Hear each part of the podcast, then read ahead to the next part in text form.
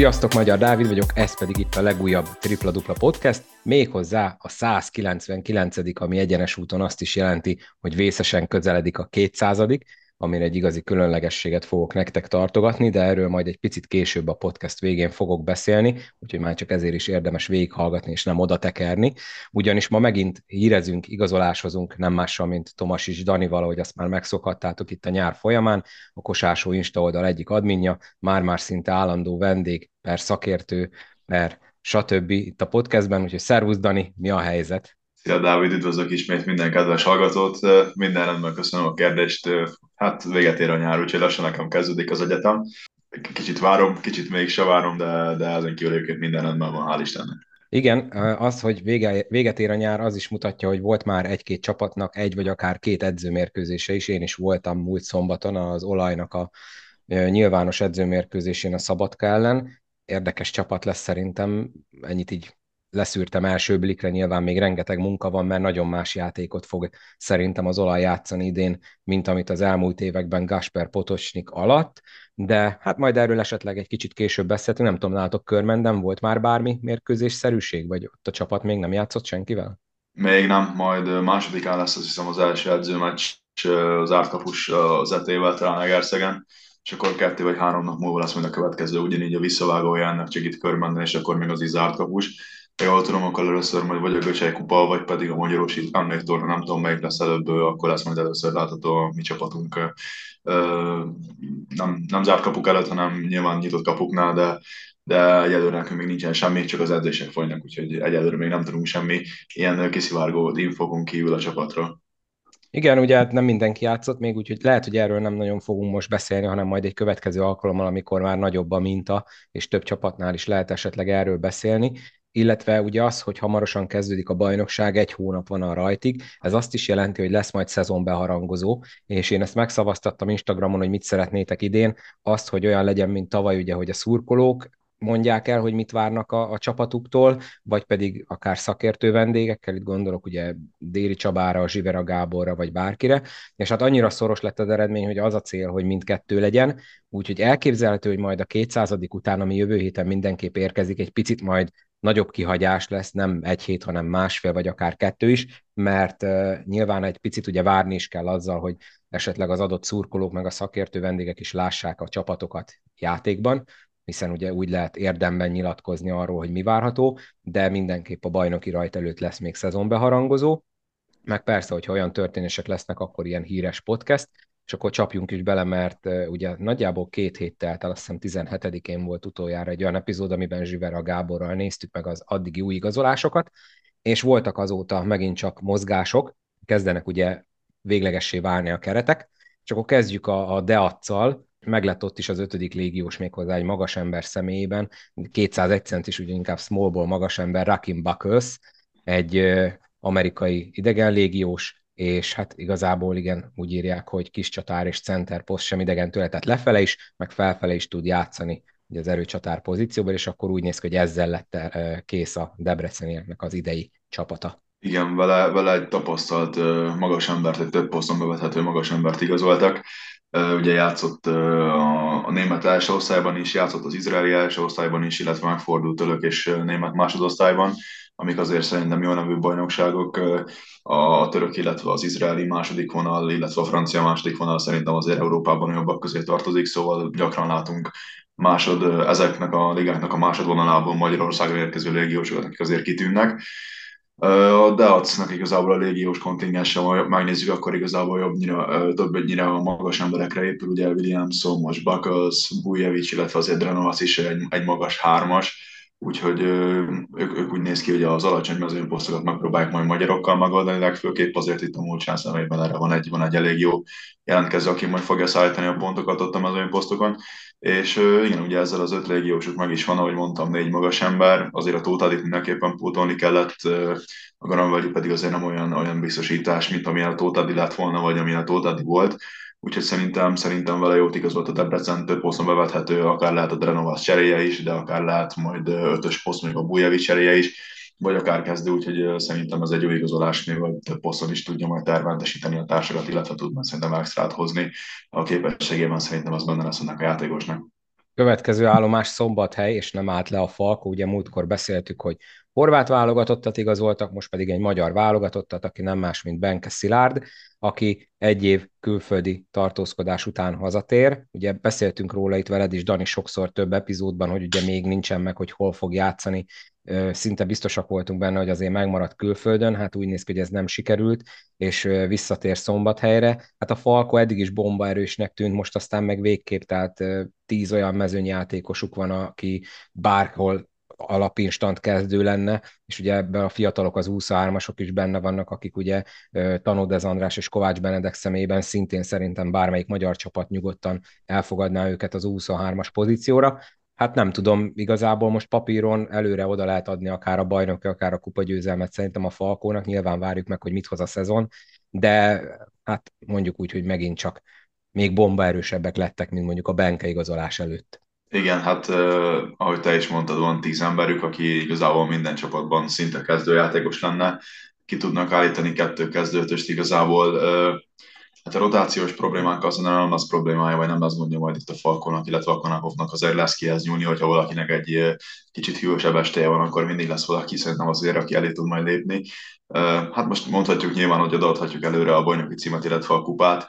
Papíron ez mindenféleképpen így van, aztán majd meglátjuk, hogy a pályán hogyan, hogyan fog történni, de nyilvánvaló nem kérdés, hogy a Falkó lett így most a torony magas esélyes. Eddig is az volt ezzel az igazolással, meg ugye gyengébbek ugye nem lettek. Hát igazából én azt gondolom, hogy az ő szempontjukból most az fogja igazán majd sikeressé tenni a szezont, hogy a, a nemzetközi kupában meddig menetelnek, hiszen azt gondolom, hogy egy ilyen keretnek, ahol, ahol szintén megint csak négy válogatott kerettag játékosod van, meg négy légiósok, plusz a két fiatal, aki, aki a fiatal szabályból talán a két legjobb most, így a Somogyi Ádám távozása után, illetve a Vincent hivatalosan nem maradása után. Azért, azért kell az eredmény nemzetközi, nemzetközi kupában egy ilyen rossz szerintem, és, és ez mindenféleképpen elvárás lesz, hogy legalább egy csoportkört menjen majd a Falkó, ha bár nincsenek könnyű csoportban de azt gondolom, hogy, a, hogy az, hogy most a bajnoki címre, illetve a kupára legesélyesebbek, az majdnem azt mondom, hogy formalitás, hogy nekik az nyerni kell. Nem azt mondom, hogy veretlenül lesznek bajnokok, meg nem fognak kikapni, mert nyilván előfordul, hogy valaki majd tényleg egyszer úgy belenyúl ellenük, hogy mondjuk kiszakadt, nem tudom, 20 tripla egy meccsen, vagy 18 tripla egy meccsen, és azért ezt a Falkonak is nehéz überelni de, de ezzel a, ezzel a Benká igazolással azért nagyon sok kérdés végére pont került, ami, ami azért augusztus 30-án kimondani egy bajnoki rajt előtt egy hónappal azért szerintem kicsit bajos. Uh, ugye beszéltünk itt sokszor a lengyel-magyar kontrasztról, ha azt megnézzük, abban a pontvadászatban van 5-6 ugyanolyan képességű csapat, és én ezzel gondolom, hogy az mindig előbbre tart, mert az, hogy van egy erős csapatod, az nyilván jó annak az egy csapatnak, illetve az ott játszó játékosoknak, mert ha most tényleg a szívemre teszem a kezemet, én mint körben szurkoló, el kell ismerni azt, amit a Falkó csinál. Magyar játékosnak jelenleg vonzó hely a Falkónál szerintem nincsen, ha eredményt akarsz elérni, illetve a külföldön akarod, nemzetközi kupában akarod megmutatni magadat, akkor oda kell menni, úgyhogy szerintem azért nem lehet beleállni ezekbe a játékosokba, viszont az, hogy tényleg egy hónappal a bajnoki rajt előtt konkrétan igazából kihozhatnánk az aranyérmeket mind a kettő hazai versenysorozatban, azt én nem gondolom túl pozitívnak. Igen, igen. Én igazából azt mondom tényleg, hogy a nemzetközi kupában, a BL-ben nagyon szurkolok nekik, és talán a szezon elején, amikor ugye párhuzamosan fog futni a kettő, akkor ott majd lehet, hogy nyilván ugye majd tudat alatt készülnek a, a következő heti BL mérkőzés, hogy akkor esetleg csúszhatnak majd bevereségek, de ha mondjuk nem lenne BL és ez a keret lenne, akkor azt mondanám, hogy a, talán az Alegerszeg volt, aki utoljára, még ott valahogy a 2010-es évek előtt, nem sokkal valamikor, amikor ugye nyomtak egy 22 0 szezon kezdést, ugye igen, talán az igen. volt az utolsó ilyen nagy sorozat, vagy akár az is veszélyben lehetne, de nyilván így a BL miatt azért majd,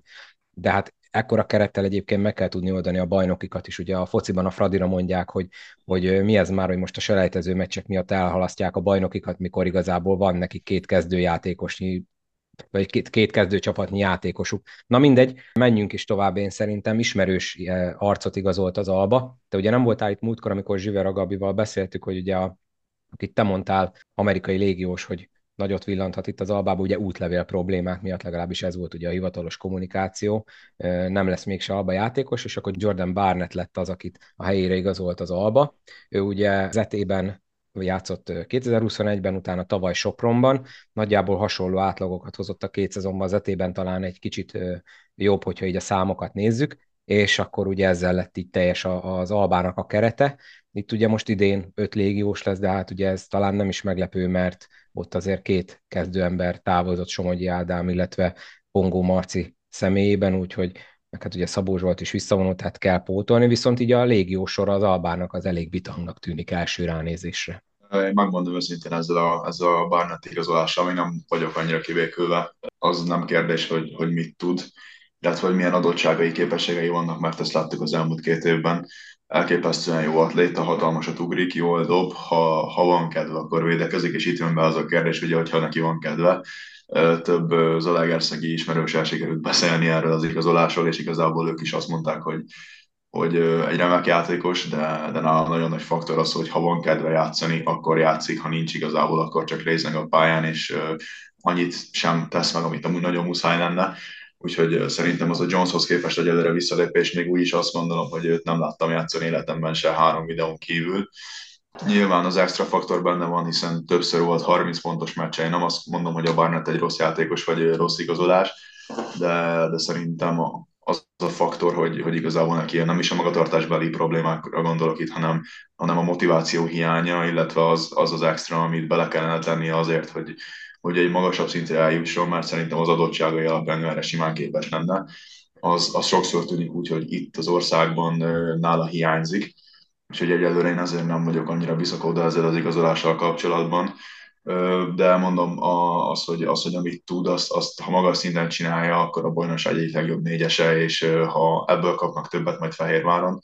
akkor nyilván pozitív irányba nyomja az igazolás, de, de mondom, nekem ezek a motivációs problémák azért ragasztóak így, így a bajnokság előtt egy hónapban. De ha már ugye így kényszerű váltás, valamilyen szinten kényszerű váltás volt Fehérváron, akkor ezzel Zalaegerszegen is szembesültek, ugyanis Delano Spencerrel szerződést kellett bontani ideje korán, családi hivatkozott a játékos, és így egy ukrán válogatott hátvéd lett a pótlása Alexandr Misula szemében, aki pedig az edző számára ismerős, hiszen korábban játékosa volt a Cseh Bruno együttesében, úgyhogy nem teljesen ismeretlen játékos érkezik Zalaegerszegre. Ezt a cserét hogy értékeled így látatlanban? Látatlanban egyelőre én azt mondom, hogy pozitív, és Zalaegerszegről is olyan hangokat hallok, hogy, hogy ők inkább pozitívan fogadták ezt a cserét, mint sem negatívan. Ugye az ukrán válogatottnak is azért meghatározó emberek közel 10-12 pontos átlaga volt, ahol eddig játszott a válogatottunk kívül is minden bajnokságban hozta ezt a 10-12-es pontos átlagát, illetve nagyon jó tripladobó. Én ugye Spencerrel nem voltam kibékülve, nekem annyira nem tetszett. Szerintem én azért gondolom azt, hogy ez mindenképpen pozitív irányba nyomja majd el az Adagerszeget, és azért az első két edzőmeccsen ott a külföldi tornán láttuk is, hogy igazából egy-két edzéssel már, már a csapat egyik legjobb dobója volt mind a két mérkőzésen, úgyhogy szerintem Egerszegen ez, ez mindenképpen egy pozitív váltás. Ahol, ha bár azt gondolom, hogy ez, hogy két hét után, miután megérkezel, azt mondta, hogy családi problémákra hivatkozva fel akarod bontani a szerződésed, ennek van egy szerintem egy kicsit másabb üzenete, és nem vagyok biztos abban, hogy csak családi problémák voltak, de ez most megint egy másik kérdés, úgyhogy szerintem Megerszegen így hosszú távon ez nem lesz rossz döntés, hogy a Misula érkezik a Delano Spencer helyére. Igen, igen, hát igen, ki tudja, hogy mi van valójában a háttérben, lehet, hogy vastag a boríték, lehet, hogy tényleg családi probléma, ezt nyilván nem vesszük el Delano Spencertől, de ahogy te is mondtad, lehet, hogy nem lesznek hosszú távon szomorúbbak a zalai szurkolók. Oroszlány a következő állomás, ott is megvan a negyedik légiós, itt is egy magas ember, aki 4-es 5-ös poszton bevethető, 208 centis, Kalit Thomas, ez már inkább ugye közelebb áll a klasszikus center magassághoz, és akkor ő a negyedik légiósa idén az oroszlánynak. Ugye fiatal játékosról beszélünk, még ha mondhatjuk tapasztalatlannak el Európában, hiszen az osztrák első osztályban játszott eddig ugye a Bécs csapatában, illetve onnan igazolt idén a német másodosztályban, ott egyébként jó számai voltak de szerintem amúgy ő, ő inkább négyes, szerintem itt inkább a Poluták lesz majd az ötös, de lehet, hogy amúgy a padról fogják hozni, ez majd kiderül. Fiatal, energikus, tényleg magas, van azért triplája is, jó befejező a gyűrű körül, tényleg fiatal van, mert potenciál. Ott azért Oroszlányban most megint fiatal futócsapat épül, ott azért mindig nehéz nyerni, mert ők idegenben is mindig kellemetlen csapat voltak, többször is volt olyan, hogy például most ami eszembe jut, ellenünk is ugye például a play tudtak nyerni idegenben, de ha volt jól emlékszem pont, amikor az íringék voltak ugyanabban az évben, szónokon is volt, hogy vezettek 20 ponttal. Az oroszlány mindig olyan, hogy őket amúgy sose lehet leírni. Szóval hazai pályán ugye a közönség miatt főleg, idegenben pedig azért tényleg egy ilyen kis szívós kis csapat, úgyhogy szerintem az oroszlányok boldogak lehetnek egyelőre. Ez az igazolás is szerintem pozitívan fog elsülni majd a, a végén. Igen, azt hiszem te mondtad, aki egy jó néhány adással ezelőtt, ugye oroszlány az, ahol mindig úgy többet kihoznak a légiósok magukból, igen, meg igen, úgy általában az egész csapat, mint amennyi ugye papíron tűnik, meglátjuk. Ott is nem sokára lesz ugye a hagyományos bányászkupa felkészülési torna, úgyhogy meg lehet majd nézni ott a, az oroszlányt is akár. Paksa következő csapat, ott is meglett az ötödik légiós Derek Woods személyében. Ő is egy 4-5-ös posztos amerikai játékos. Úgy látszik, hogy ezek voltak ugye az utolsó. Mondjuk mindig ez a legnehezebb pozíció, ide nehéz jó embert találni, és ez nem csak ugye magyar tehát nem csak magyar játékosokban lútri ez a magas ember pozíció, és igazából itt az az érdekesség ennek a sztorinak, hogy együtt ez a csapattal, már ugye itt van Pakson, de a leigazolását egyelőre jogi, jogi akadályok nehezítik. Hát ez is egy érdekes történet. Lehet, hogy nem tudom, a engedélyét nem adja ki az előző bajnokság, stb. nem részletezték a közleményben, de minden esetre egyelőre úgy néz ki, hogy ő lesz az ötödik paksi légiós. Igen, és ugye akkor beleoldják meg majd a, a Brighton magas posztot, illetve az Enyis Fagnanival. Ezek a jogi tényleg problémák a legazolásban egyelőre még homály fedi, nem tudjuk, hogy tényleg mik ezek, de egyébként ő is azért egy egész stabil játékos, játszott jó helyeken, most például legutóbb Észtországban hozott nagyon jó számokat, úgyhogy ha, ha ezek a problémák megoldódnak Pakson, akkor azt gondolom, hogy a Paks kerete az idén minimum 8, de, de inkább a 6 top 6-ba várható, ott azért jó igazolások, jó nem úgy legiósok vannak, most például itt ugye a, a grúzuri ember a Sanadzeinak volt az első három VB csoport meccséből kétszer is 10 pont fölötti meccse, úgyhogy mindenféleképpen biztató, úgyhogy szerintem most a, a Paks lehet, hogy idén dobbant egyet a tavainál, és nagyobb szintre lépnek, és most nem csúsznak le a rájátszásra, hanem odaérnek. Úgyhogy egyelőre azt gondolom, hogy a Paks a Csirkefelivel szépen építkezik, aztán majd kiderül, hogy ennek mi lesz tényleg a vége. Kecskemétről szó volt, ugye, amikor beszéltük, hogy Kis Dávid sajnálatos sérülés szenvedett, ez azóta kiderült, hogy nem is egy enyhe sérülés, egy nagyon is komoly retina szakadás, leszakadt a retináját egészen durva. Az előző epizódban Fofóval ugye beszélgettünk erről, és akkor ő már ugye elhintette, hogy egy amerikai játékos szerződtetnek a Dávid pótlására, Kimani Lawrence ez a játékos, ő is egy 25 éves amerikai erőcsatár, és igazából relatíve újoncnak számít, második szezonja lesz Európában, és hát neki kell majd akkor így ugye ezt az időt betölteni, és akkor ugye a korábbi négy légiósos idények során most ezúttal öt légiósa lesz a Kecskemétnek, még ha kényszerű okokból is kényszerülnek erre. Jaj, de szépen fogalmaztam. Ugye, ugye Laurent szemében is Svájcból igazoltak amerikai légióst, Shannon Box is onnan érkezik, és ugye olyan korábban említettem, mondom már a, az Xavier Pollard is onnan érkezett, szóval a Kecskemétnek ezzel a svájci bajnoksága van egy ilyen jó kapcsolata, hogy valahogy mindig megtalálják a, a jó játékosokat. Szerintem jó igazolás, tehát azért a bármilyen bajnokságban 20 pont fölött átlagolni azért az komoly, és ő ezt megtette. Van mellette hét lepattanója, úgyhogy a Dramicsanyin és a Karahogy ismerés szerintem kellett egy ilyen fiatal energikus amerikai, aki tud más szint is hozni majd a támadó, illetve védőjátékba.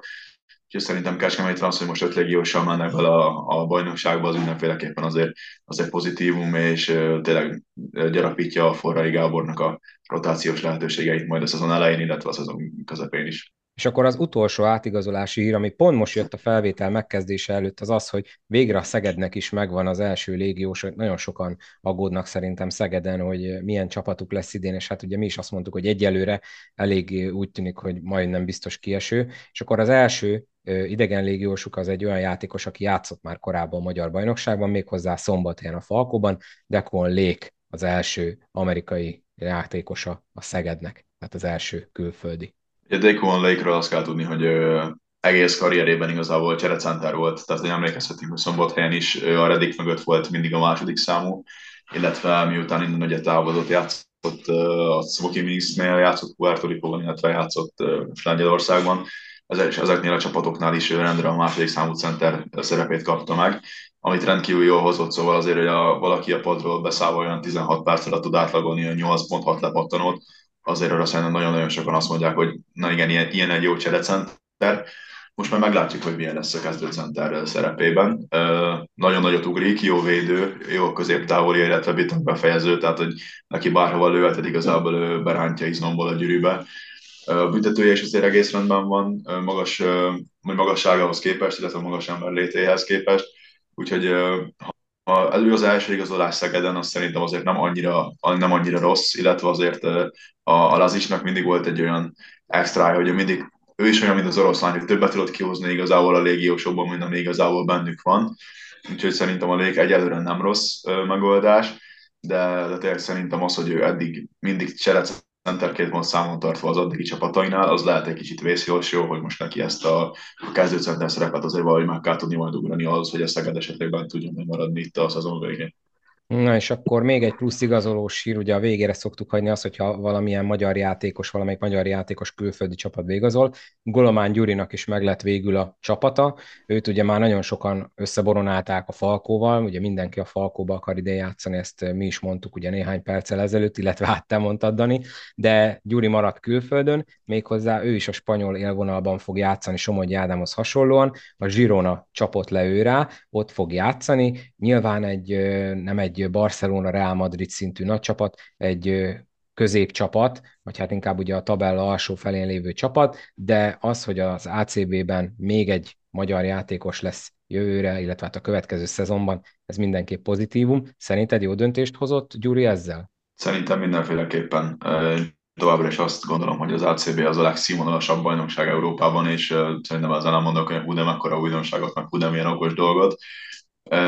ugye a Zsironánál majd egy bizonyos Margászon nevezeti úriemberrel fog majd a, a palánkok alatt harcolni, úgyhogy ez, ez megint csak nem rossz hát, dolog. Ugye, ha, ha játszani ha, fog Hát igen, nyilván, de hogyha most csak abba gondolunk bele, hogy, hogy tényleg tőle mit tud ellesni, vagy csak egy-két alsó posztos kis okosságot, abból mennyit tud ő profitálni.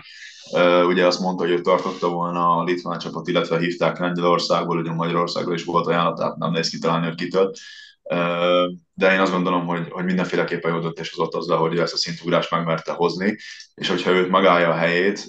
az ACV-ben, illetve a Gironában, akkor szerintem az ő fizikai adottsága, illetve az ő technikai, illetve taktikai tudása az, azt fog tudni majd párosulni, és hosszabb időt is akár el fog szerintem tudni majd tölteni ott Spanyolországban. Azért, ha most így visszaemlékszünk a válogatott mérkőzésekre, ő volt az, aki hozta a stabil átlagot, nem volt nagy kilengése játékában, mindig hozta azt a 12.7-8 tapattanót, amit, amit, amit igazából el is várhatunk tőle. Úgyhogy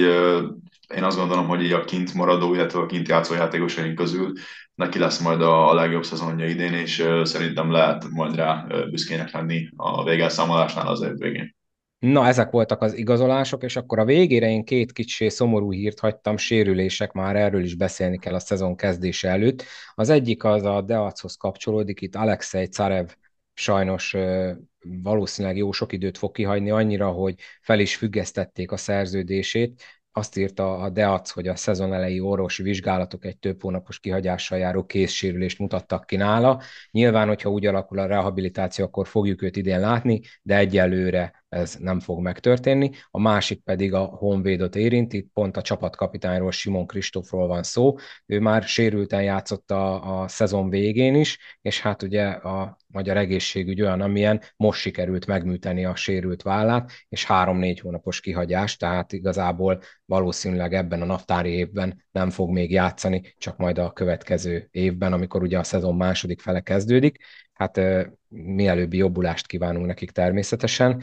Szerinted, hogyha lehet így ezt egyáltalán megnézni, melyik a nagyobb érvágás, melyik csapat járt rosszabbul? Most egy kapásból azt mondom, hogy a Honvéd azért a Simon Kristófnak volt egy jó szezonja szerintem tavaly, bár amúgy azt hallani, hogy az az argentin irányító az nagyon-nagyon komoly játékos, akit az Honvéd igazolt, és azért a Brown is meg tudja oldani az irányító posztot, ezt láttuk Kaposváron is, szóval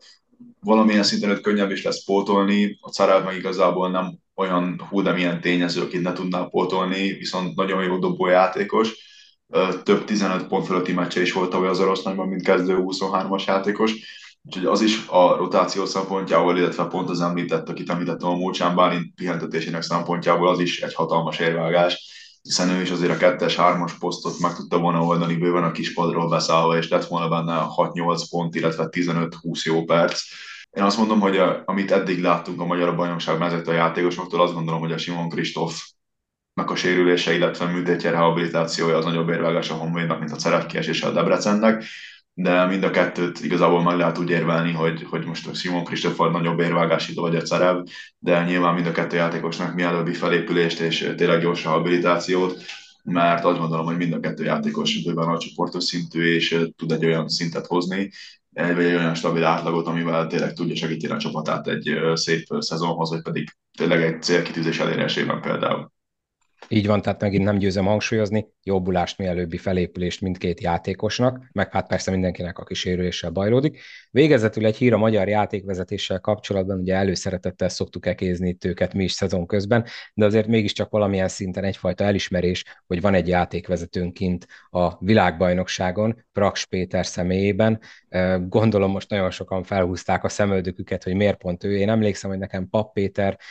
már tavaly is, meg azelőtt is mondta, hogy ő a Praks Petit tartja a legjobb játékvezetőnek jelenleg. Hát úgy néz ki, hogy ezt a nemzetközi szinten is így gondolják, és őt vitték ki, és ráadásul ő a, a, a fő helyszínen a VB döntő helyszínén, az Ázsia Plaza arénában kezdte meg a VB-t, tehát ottani meccseket fújt, és Lugosi Norbert pedig technikai delegátusként figyel, ő, ő egy másik csarnokban az A csoport eseményeit felügyeli, őt nem tudom, hogy ti ismeritek-e, nekem ő mindig nagyon sokat segített minden szezonban a játékvezetős podcast összehozásában, úgyhogy ezúton is jó munkát kívánunk nekik. Na szerinted az, hogy legalább ilyen szempontból ott vagyunk a VB-n, azért ez csak jót jelent, nem? Ebből a szempontból mindenféleképpen. Tehát az, hogy azért tényleg most van egy játékvezetőnk, illetve egy ilyen vezetőnk, aki, aki által arra a szintre hogy bekerült a nemzeti vérkeringésbe, azért ez fontos, ugye nagyon sokat beszéltünk róla, hogy te is említetted, hogy a játékvezetésnek a színvonala milyen, hogy, hogy tényleg van rajta mit javítani, nekem nem tartozik most a Praks Péter a kedvenc játékvezetőim közé, nem fogok így most igazából köntörfalazni, hogy az ominózus körben szólok meccsen, amikor volt a sördobálás, minden akkor pont volt egy játékvezető, úgyhogy ez egy ilyen külön ilyen kis pikantériának a dolognak, de nyilván el kell ismerni, mert ha, ha a vezetőség így látja, ha Fibánál így látják, hogy megüti ezt a szintet, akkor el kell ismerni, hogy, hogy akkor valószínűleg tényleg ott van a helye. Illetve azért nem mindegy tényleg, hogy, hogyha, hogyha tényleg felfigyelnek rá, akkor azért ő tud majd egy fiatalabb generációnak olyan információkat átadni, ami, ami őt is erre a szintre jutatta, tehát azért ő sem idős még, ő azért még a pálya elején jár, de, de tényleg azért ilyen tapasztalatokat begyűjteni egy, egy ilyen kontinens fiadalon azért az, az páratlan szerintem egy ilyen játékvezető életében. Így van neki ezúton is. Én, én személy szerint gratulálok, hogy ide eljutott, és jó munkát, és tényleg az legyen, amit te mondtál, hogy akkor az ott szerzett tapasztalatot azt tudják, illetve tudjon segíteni a társainak, hogy itt a magyar bajnokságba is ezt átültessék. Nyilván mi ugye sokszor elfogultak vagyunk, a szurkoló van egyfajta szemüveg, amin keresztül nézi a mérkőzést, és tudjuk jól, hogy azért nincsen könnyű dolguk, de tavaly, mintha egy kicsit talán tényleg több hiba lett volna, és ez remélhetőleg ebben a szezonban máshogy lesz. Na, van még egy kis időnk, Dani, nem tudom, a világbajnokságot követed-e valamennyire? Igen, igen, sikerül azért, sikerül követni. Persze, persze, muszáj. Jó, akkor én szerintem egy néhány percet rászánhatunk a VB-re, és ha más nem, legalább meghozzuk azoknak a kedvét, akik eddig nem nézték. Ha jól tudom így, hogy most már vége az atlétikai VB-nek, az M4 Sport is több mérkőzést fog adni, és most kezdődik majd az igazi buli. Most, amikor ezt mi felvesszük, akkor véget ért az első csoportkör, és mindenhonnan megvan a két továbbjutó.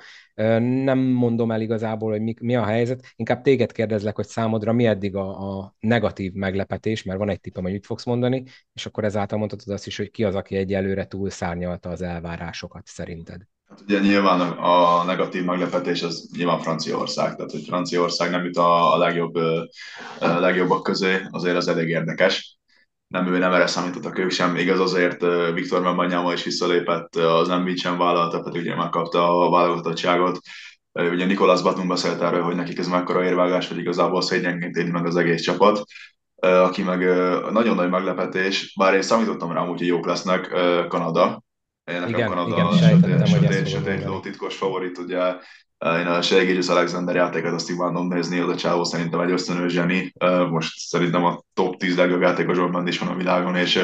nekem ő a titkos favoritom a VB MVP címre, úgyhogy nekem Kanada az, aki nagyon-nagyon bejön. Itt hagy szúrjak közben, hogy Kanada olyan csoportban lett hibátlanul első, ahol a letteket és a franciákat, illetve Libanont verték meg, nyilván ez utóbbi ez nem nagy meglepetés, de tehát 95 pontot dobtak Franciaországnak úgy, hogy 65-öt kaptak, ez volt az első nagy meglepetés, a, talán pont az első napján volt a VB-nek. Aztán dobtak szolid 128 pontot Libanonnak, amivel azt hiszem VB rekordot is állítottak fel, rengeteg triplával, rengeteg asszisztal, tényleg parádé volt, és utána dobtak 101-et Lettországnak, tehát olyan szinten ilyen magabiztosan nyomulnak eddig, hogy, hogy tényleg ők lehetnek azok, akik akár most nagy meglepetést okoznak, és tényleg tele vannak NBA sztárokat. Tehát a kezdőtösük az az NBA sztárokból állt, tehát tényleg NBA szinten is nagy nevű játékos, ugye akár SGA-t említjük, akár RJ Barrett, Dylan Brooks, aki ugye, Igen. aki követi az NBA-t a playoffban, ugye eléggé megpiszkálta LeBront, és ezáltal eléggé bekerült a híradásokba, úgyhogy igen, a, a többi igazából én szerintem jött eddig a papírforma,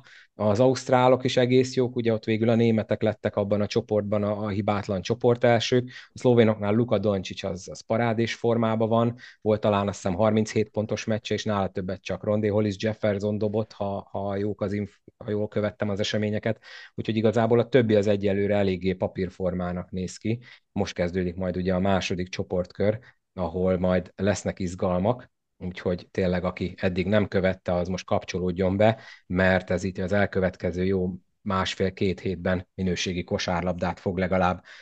tartogatni nekünk, amíg ugye elkezdődik a mi bajnokságunk, meg az összes többi. Nem tudom, Dani, van-e még valami, amit te el szeretnél mondani, vagy amit én kihagytam? Még így a kosárlabda Weberre visszakanyarodva egy tök jó sztori szerintem a Randy Hollis Jeffersonnak a sztoria, aki ugye most követi, nagyon sok ilyen videó van a Instán, TikTokon, illetve Twitteren, Facebookon, hogy mennyire úgy játszik a csávó, mint hogy a Kobe Bryant játszott. Ugye Jordánia kiesett ma, ugye kikaptak simán majdnem 50 ponttal az Egyesült Államoktól, a Randy Hollis Jefferson beszél is erről, volt egy, talán az első meccs után volt egy ilyen interjúja, hogy, hogy tényleg mennyire úgy játszik, mint a Kobe Bryant, és aki szerette a Kobe játékát, vagy szerette azt a karaktert, aki a Kobe Bryant volt, annak szerintem mindenképpen megéri megnézni, hogy a Randy Hollis Jefferson játszott ezen a vb mert tényleg azért tényleg könnyeget az ember szemébe az, hogy, hogy annyira hasonlít, hogy a Brian csinálta, hogy és szerintem az egy nagyon-nagyon jó sztori, hogy, hogy tényleg van egy ilyen, egy ilyen sztorink, hogy Jordániából egy Randy Hollis Jefferson, aki kiesett igazából simán az NBA körforgásából három-négy év alatt, Szerintem az érdekes sztori, és azért ennek érdemes így egy kicsit utána nézni, meg utána járni, mert tényleg azért, ahogy mondtam, meg is érinti az ember szívét, meg, meg tényleg minőségi, ahogy az a csávó játszik, és amit csinál a pályán. Igen, és akkor a következő csoportkörbe aztán igazi csemegék lesznek. Ugye ez az első csoportkör azért jobbára ilyen kiütéses győzelmekről szól. Tehát itt azért nagyon sok olyan csapat van, amelyik ugye mivel VB-ről van szó, Ázsiából, Afrikából, ott kell, hogy legyenek, idézőjelesen erőteljesen, idézőjelesen természetesen, de azért tényleg ilyen 30 pontos különbségek voltak. Most azért viszont a második csoportkörben lesznek komoly dervik, tehát azért Kanada majd játszik például a spanyolokkal, az biztosan nagyon jó mérkőzés lesz. A szlovénok játszanak németekkel, ott van ugye az USA természetesen, majd lesz egy Litvánia elleni derbiük, és akkor ott van talán a másik meglepetés csapat, a Dominikai Köztársasággal, ugye szintén egy NBA sztár, a nagy név Carl Anthony Towns a Minnesota-ból, ők majd azért a, a ott, is, ott okozhatnak még egy-két csapatnak szerintem kellemetlen perceket, úgyhogy tényleg a summa summarum az a lényeg, hogy nézzétek és kövessétek a világbajnokságot. Na én meg, ugye meg kell először is, hogy köszönjem Daninak a segítséget, megint csak köszi Dani, hogy kicsi háttérinfokat szolgáltattál az új igazolt játékosokról. Köszönöm is, mert annyit lehettem, aztán tényleg ma várom a következőt. Igen, és akkor egy picit akkor hogy promózzam meg a 200. részt, ami a jövő héten fog következni. Ugye annó a századik, sőt, ugye mielőtt a 200. jön, most szeptember 1-én van a podcast születésnapja, méghozzá a negyedik, ami azt jelenti, hogy az ötödik szezon kezdődik majd szeptembertől, csak mielőtt még itt belezavarodok a matematikába egyrészt hatalmas köszönet és patyi mindenkinek, aki hallgatja, mert nyilván, hogyha nem hallgatnátok, akkor nekem se lenne kedvem ezt csinálni, és nem ért volna meg ilyen szép epizódszámot, meg ennyi évet ez a podcast, úgyhogy köszönöm. Hát annó a századikért kaptam hideget, meleget, amikor ugye Stojan Ivkovics volt a vendég. Szerintem a kétszázadikkal nem hiszem, hogy ilyen mm, hogy is mondjam, vegyes véleményeket fogok kapni, bár biztos van, aki nem szereti Dávid Kornélt, de szerintem azt mindenki aláírja, hogy ő a magyar gót, ha mondhatjuk így, ugye az egyetlen játékos, aki játszott az NBA-be, úgyhogy a 200. epizódban Dávid Kornél lesz a vendégem. Egyébként ezzel egy hatalmas tartozásomat fogom magam felé is végre rendezni, mert azért az, hogy 200 rész alatt egyszer sem